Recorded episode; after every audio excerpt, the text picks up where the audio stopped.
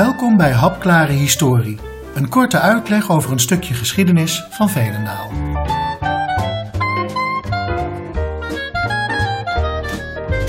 Deze podcast gaat over de 17e eeuw. Voor Veenendaal geen gouden eeuw, maar een eeuw van rampen.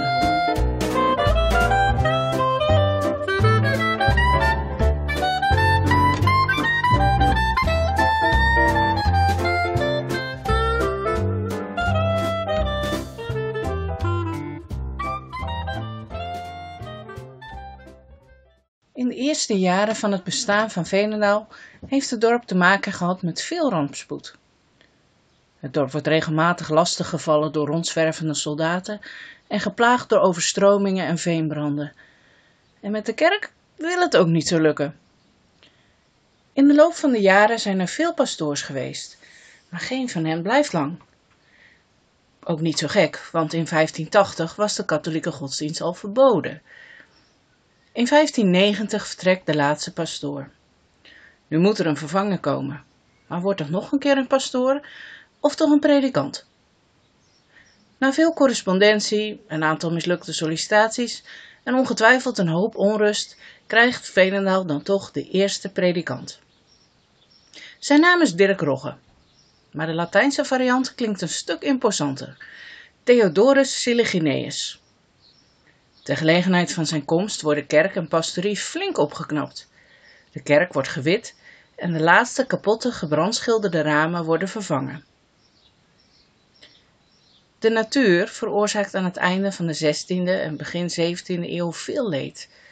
In de jaren 90 van de 16e eeuw worden er verschillende wolvenjachten georganiseerd door de Staten van Utrecht. Daarbij worden alle mannen opgeroepen om mee te doen. De wolven worden door het hele jachtgebied opgejaagd en de Zuiderzee ingedreven, waar ze worden afgemaakt. Een paar jaar later, in 1595, is er een strenge winter, gevolgd door een grote overstroming, als op 13 maart de Grebbedijk overstroomt. In het hele overstromingsgebied komen naar schatting 3000 mensen om het leven. Hoeveel slachtoffers er in Veenendaal zijn, is niet bekend. De schade moet enorm geweest zijn, want zelfs de kerk heeft onder water gestaan. En dan kan men weer opnieuw beginnen met opknappen. Maar nog geen drie jaar later overstroomt de Grebbedijk nog een keer. En nog een keer in 1608. Nu begint iedereen wel te begrijpen dat er iets moet gebeuren. Wageningen weigert echter bij te dragen in de kosten van een dijkverhoging, omdat vooral Veenendaal en Amersfoort zijn die last hebben van overstromingen. Wageningen zelf veel minder. Na een hoop geharrewar nemen uiteindelijk de Staten van Utrecht 25% van de kosten voor hun rekening en Veenendaal en Amersfoort elk 37,5%. Op sommige plaatsen moet de dijk wel meer dan een meter verhoogd worden. Daarmee wordt de vallei een stuk veiliger, maar er zullen nog veel meer overstromingen volgen. Tegelijkertijd groeit het dorp en dat brengt ook de nodige problemen met zich mee. Zo verklaart dominee Siligeneus op een synode in 1606 dat er in de 14 jaar dat hij in Velendaal is, maar liefst 30 moorden hebben plaatsgevonden. In 1611 wordt een zekere Geertje, de vrouw van ene Jan Hendricks, beschuldigd van hekserij. Overigens wordt ze wel vrijgesproken.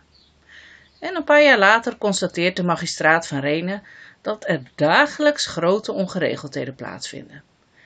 En dat schrijft hij toe aan de grote menigte van vreemden en bedelaars. Zo lezen we in een document. Daarom moeten nieuwe inwoners een soort verklaring van goed gedrag kunnen tonen van hun vorige woonplaats. En op basis daarvan krijgen ze een vestigingsvergunning van Renen. Veenendalers die toch woonruimte verhuren aan mensen zonder vestigingsvergunning, kunnen een straf van 10 carolenschulders verwachten. Een flinke som in die tijd. Het lijkt echter niet veel te helpen. Er sneuvelen ramen van de kerk, schutten en sluizen in de grift worden vernield en geweld is aan de orde van de dag. Al met al blijft het chaotisch. Een paar jaar later wordt er een inventaris opgemaakt van de verschillende beroepen die in het dorp voorkomen. Het dorp is dan zo'n 70 jaar oud, we spreken 1615, en het is een interessante lijst. Op de lijst staan naast beroepen als kleermaker, timmerman en schoenmaker Ook tien veenmeijers, zes bierbrouwers, zes tappers, twee herbergiers en één breier. Veenendalers hielden klaarblijkelijk wel van een biertje.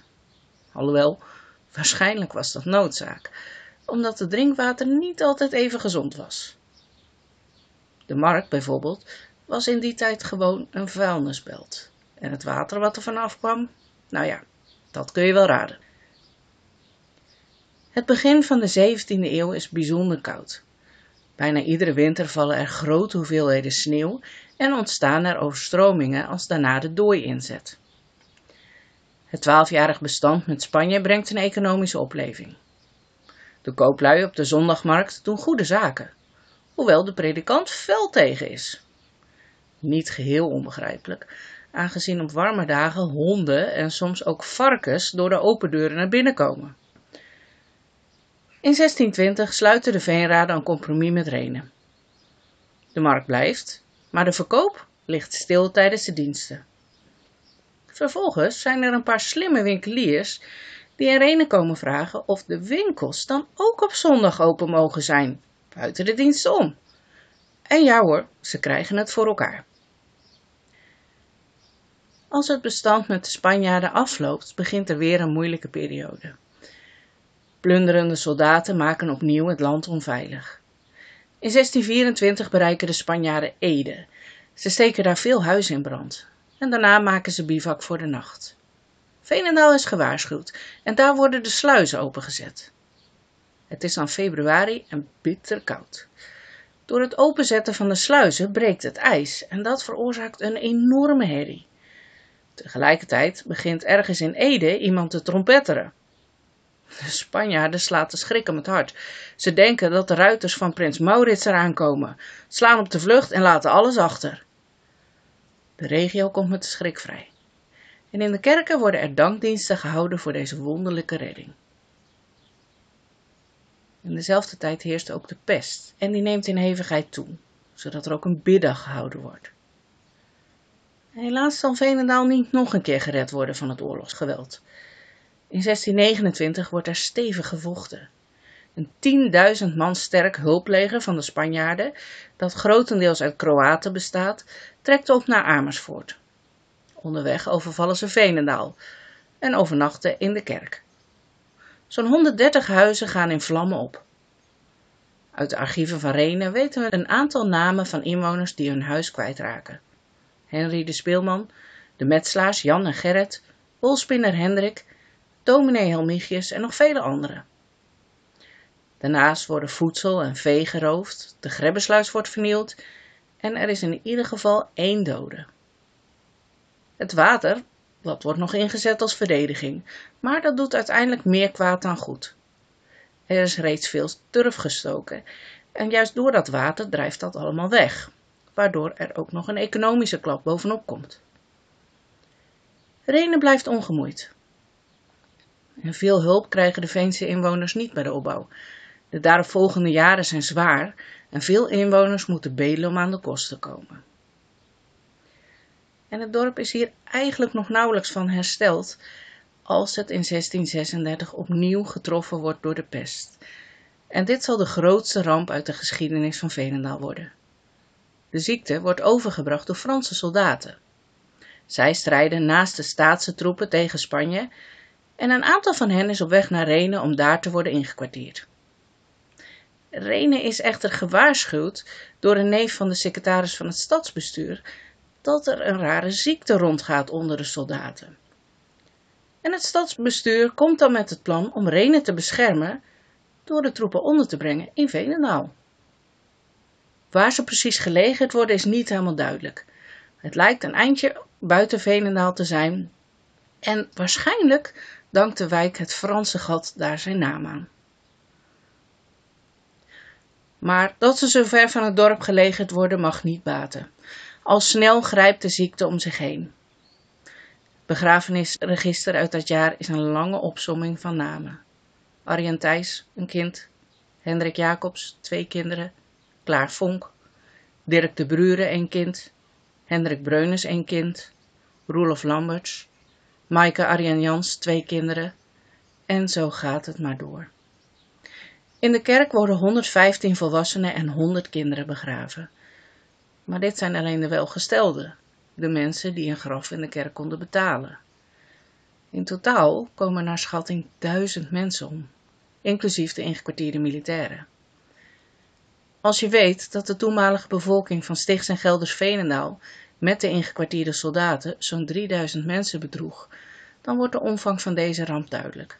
Er was geen gezin in Veenendaal dat geen slachtoffer te betreuren had. De mensen die niet in de kerk begraven worden, worden begraven in een massagraf naast de kerkenwijk. Ook de chirurgijn met zijn gezin en de dominee en zijn vrouw overleven de ziekte niet. En daarmee zijn de rampen nog niet ten einde voor Veenendaal.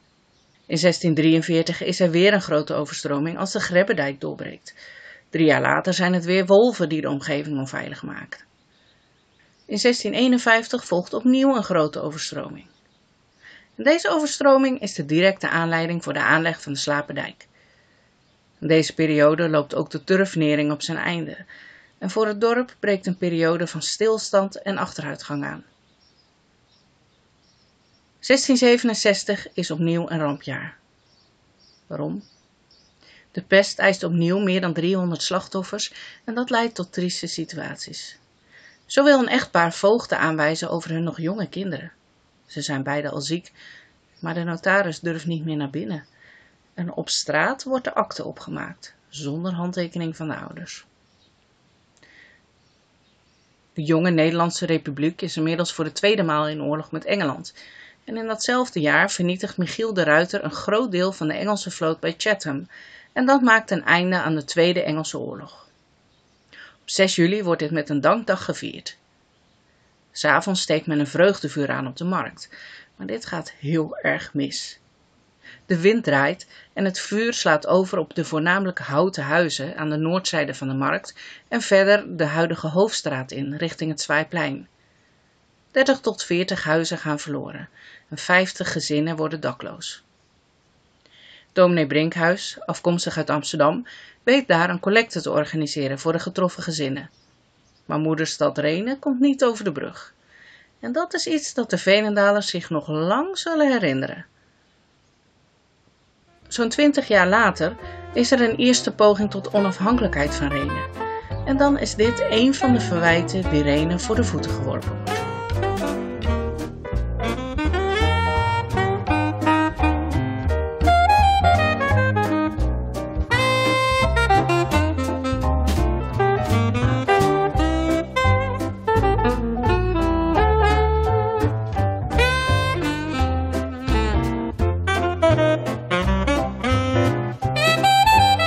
Bedankt voor het luisteren. Wil je meer ontdekken over de geschiedenis van Veenendaal? Ga naar gemeentearchief.veenendaal.nl